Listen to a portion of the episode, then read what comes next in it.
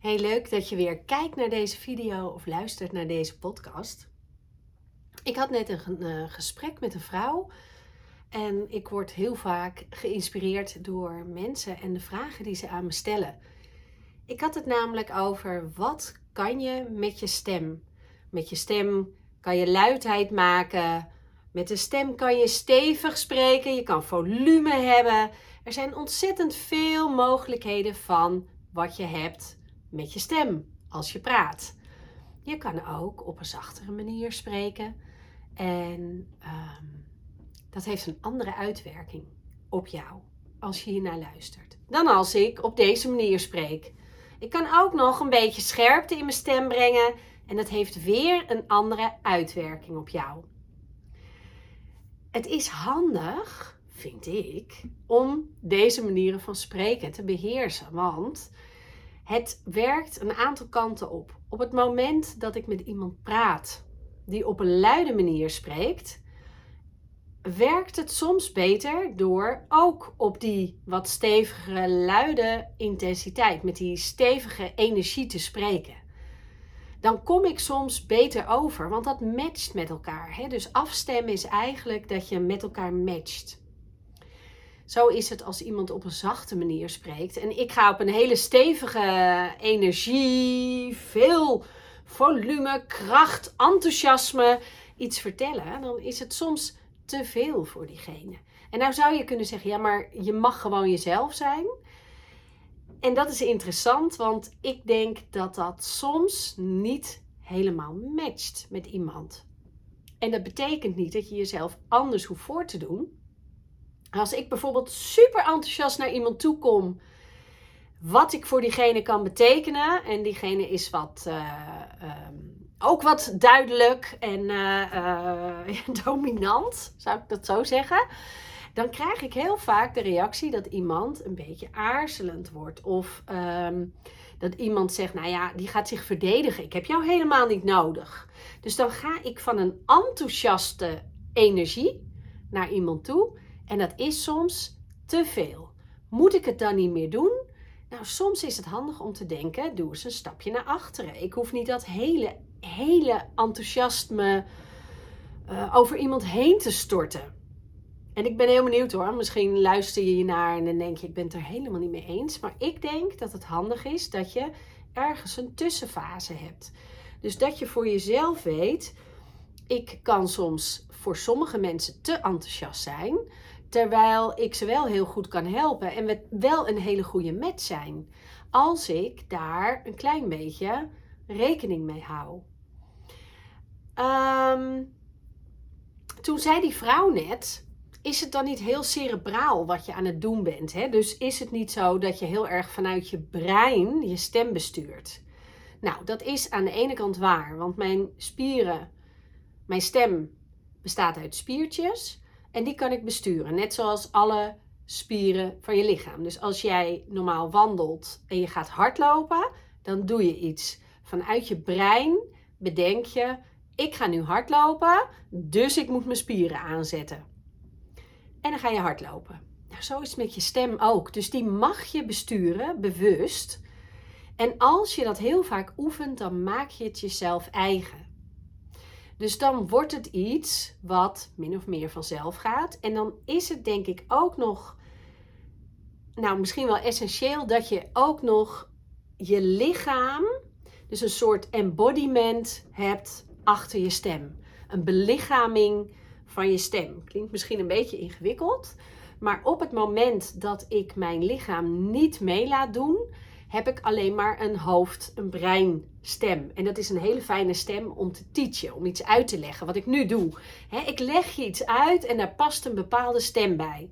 Dan blijf je naar me luisteren als je dit interessant vindt. En als ik het te veel doe, dan zou je kunnen afhaken. Dus dat voel ik zelf van binnen. Dit is te veel, dit is te veel energie. Daar word ik zelf ook moe van. Ik mag weer even een stapje terug. Dus het is een cerebraal iets, het besturen van je stem, dat gebeurt met de hersenen, inderdaad. Dat heb je eerst te leren en je eigen te maken voordat je alle manieren van spreken en van je stem kan gebruiken. Want hoe kan je dat nou doen als jij niet weet wat je kan met je stem?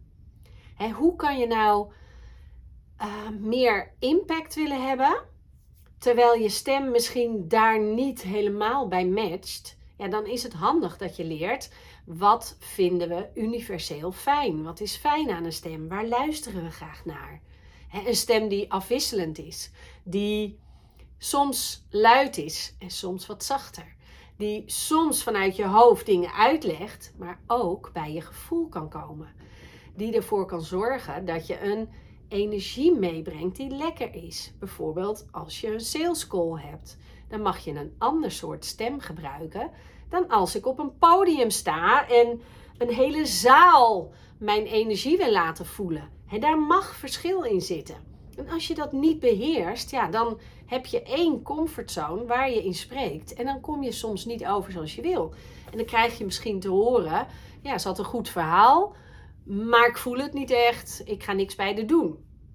En dat zou jammer zijn. Terwijl als je, uh, stel je bent dus zo enthousiast als ik wel eens ben, altijd luid en veel, dan is het soms te veel. Als je dan af en toe achterover kan zitten, even in een soort afwachtende houding. Hé, hey, ik ben losgekoppeld van het resultaat.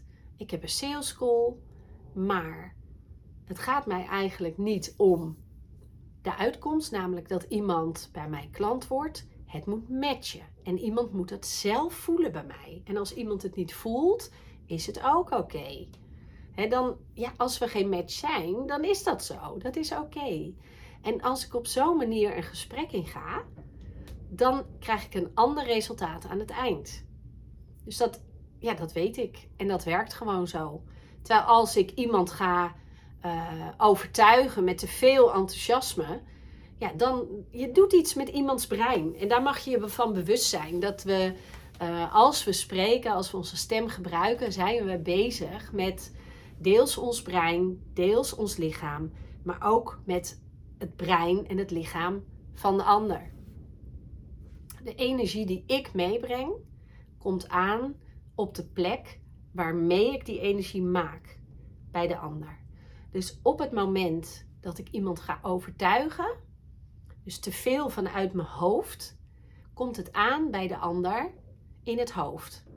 En die gaat met het hoofd ehm, bedenken: wat kost het eigenlijk wel niet? En uh, heb ik dat er wel voor over? En wat levert het me dan op? Ja, dan weet ik niet wat de uitkomst is. Als ik iemand vanuit mijn lichaam, met die energie, vanuit mijn gevoel, vanuit mijn hart, vanuit mijn intuïtie, vanuit mijn kern, vanuit mijn vuur, als ik op die manier met iemand spreek, losgekoppeld van het eindresultaat, dan bereik ik ook die plekken bij de ander als ik mijn hartstem gebruik, waarbij ik weet, als ik over iets praat wat met gevoel te maken heeft, verandert mijn stem. En die plek kan ik opzoeken. Dus als ik op die manier spreek met iemand, bereik ik ook het hart van diegene. Of haar intuïtie. En dan krijg ik een andere uitkomst. En soms als ik dit vertel, dan lijkt het net alsof ik uh, alsof je dan iemand ehm, manipuleert. Dat je dus gebruik maakt van een bepaalde manier van spreken om een effect te bereiken. Maar ehm, als je het doet vanuit een goede intentie, hè, wat ik net al zei, als iemand klant bij mij wil worden, wil ik voelen of ik diegene voel. En ja, dan als dat zo is en ik denk dit, is, dit wordt leuk, ik kan haar verder helpen Ehm, dan gaat zij dat ook wel op zo'n manier voelen. En ik wil niet kosten wat kost iedereen in mijn programma. ik heb nu een nieuw programma, dat gaat binnenkort starten. En daarin leer ik je hoe je in drie maanden groeit naar een zelfverzekerde, zelfbewuste spreker. waar ik het net eigenlijk allemaal over gehad heb. En ehm, ja, daar wil ik de mensen in hebben die het voelen bij mij. En je krijgt daar hartstikke veel video's met voorbeelden. En ook nog één op één. Want ja, ik wil wel eh, dat jij het beste resultaat haalt. En daar horen die één op eens bij. Want dan kan ik tot de kern komen bij jou. Hè, hoe spreek je? Wat denk je over jezelf? Hoe mag, het, hoe mag je anders over jezelf gaan denken? Wat heeft iemand wel eens tegen je gezegd? Wat nu beïnvloedt hoe jij spreekt. Of hoe je jezelf laat zien op social media. Of misschien uh, bij een presentatie geven. Misschien laat je jezelf anders zien, letterlijk. Je houding, maar ook wat je hoort. Wat horen mensen aan jou? Dat je ooit een nare opmerking gehad hebt, bijvoorbeeld over je manier van spreken of over hoe je stem klinkt. Ja, dat heeft iedereen bijna meegemaakt. En dat heeft invloed, dat wil je niet weten. Hè? Dus wat iemand zei toen je acht was, kan nog invloed hebben uh, op toen je 40, uh, eh, nu je 40 bent of, of hoe oud dan ook. Dat weet je nog en dat is super jammer. Maar als je snapt waar iets vandaan komt en hoe het werkt, kan je het veranderen. Dus is het een cerebraal iets om te spreken? Soms wel. Als jij niet weet dat je luidheid in je stem kan hebben, ja, hoe, hoe kan je dan echt overtuigen? Of de ruimte innemen met je stem. Hoe kan je daaraan wennen? Dan moet je eerst leren, hoe doe je dat met die spieren? En daarna maak je het je eigen en dan gaat het vanzelf. En dan ga je je lichaam gebruiken. En dan kan je ook spreken vanuit je lichaam. Het is niet per definitie zo dat als ik spreek vanuit mijn hart, dat het altijd een manier is die de beste manier is.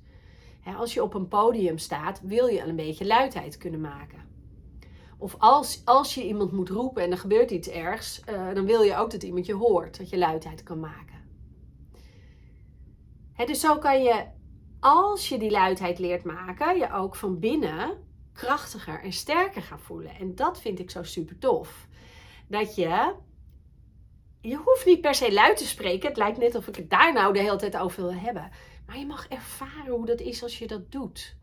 veel vrouwen waar ik mee werk, praten wat zacht uh, of te hoog. Of, um, en, en wat is dan te? Dat je daardoor onzeker lijkt.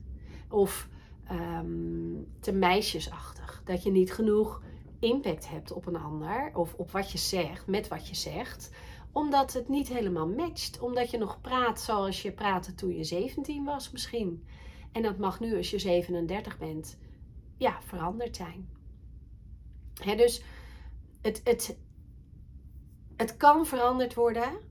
Want als jij onzeker bent over je stem, is dat de energie die je meegeeft als je een verhaal vertelt. En dat voelen mensen. En dan denken ze, ja, nou ja, ik weet niet. Uh, ze wil wel dat ik bij haar kom voor uh, dit of dat, of om klant te worden. En ik vind het wel leuk, maar ik weet niet of ze het zelf helemaal gelooft. En op het moment dat je oefent met je stem steviger maken, nou, er zijn allerlei oefeningen voor, ga je je van binnen anders voelen. En dat gevoel, daar kan je weer naar terug. En je stem een beetje aanzetten als je begint met spreken. Zorg dan voor een goed begin, een zeker begin. Stembanden die doen wat je willen, die goed sluiten. Een stevig helder geluid. En dan mag je daarna variëren. En je mag variëren tussen hoog en laag. En ik kreeg een reactie op een TikTok filmpje waarin ik zeg je mag variëren tussen hoog en laag. En dat maakt dat je boeiend spreekt, dat het leuk is. En toen zei iemand eronder, oh mag ik dat van jou? Het stemmetje bedenk ik er zelf bij. En toen dacht ik, oh wat lekker flauw. Van ja, mag dat? Ja, je mag daarin variëren. In plaats van je moet erin variëren. Zou ik ook kunnen zeggen. Je hebt te variëren met je stem van hoog en laag en hard en zacht. En dan voldoe je aan kenmerken waardoor we aan je lippen hangen. En, en willen horen wat je te vertellen hebt en dat we je echt voelen. En moet je dat doen?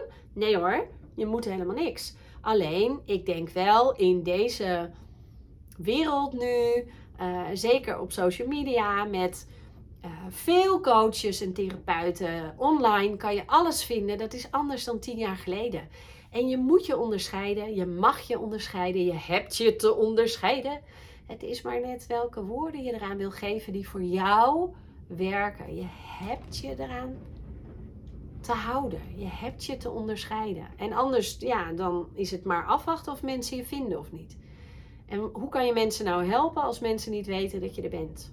moet je toch jezelf laten zien. Moet je jezelf laten zien? Ligt eraan wat je wil. Grappig hè, met woorden. Ja, het is heel erg bepalend over ehm, of iets overkomt bij jou of niet. Hoe je, welke woorden je gebruikt.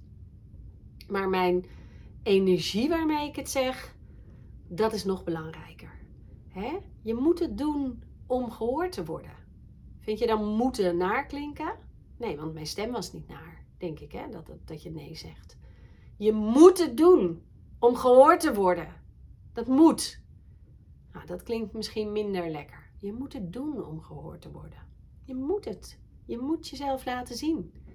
Anders weten mensen niet dat je er bent. Doodzonde. Super jammer. En dan, als ik dezelfde woorden gebruik, maakt mijn stem het verschil. Dus soms een beetje besturing vanuit je hoofd en belichaming vanuit het gevoel. En die combinatie, joh, dan word je onweerstaanbaar. Mocht je nou, ik, uh, het is nu 4 januari en uh, mocht je dit nu op korte termijn horen en denken ik wil wat met Katinka, er zijn nog een paar plekjes in mijn programma. Ik denk drie. Um, dat weet ik niet zeker. Er staat er eentje nu op een ja-nee. Uh, maar ik denk ja, maar die mag even nadenken van mij, want zo ben ik ook alweer. Dus dan zijn er nog drie plekjes.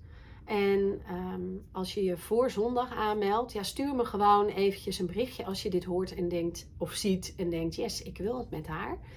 En vanaf zondag wordt de prijs ietsjes hoger of hij is al dicht, de, het programma. Dus de deuren blijven in principe open tot 16 januari. En daarna komt er een wachtlijst voor wanneer de deuren weer open zijn. En dat is denk ik ergens in april. Dus dan zit dit programma vol. En ik ben super trots om dat te zeggen. Dat ik dit gestart ben vanuit heel mijn hart en ziel en zaligheid en intuïtie en onderbuik. En al mijn gevoel zit erin.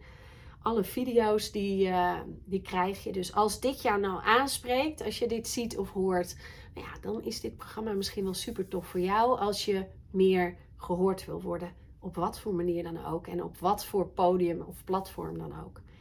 Nou, dan uh, weet je me te vinden, hoop ik. En wie weet ben je nog op tijd om mee te doen.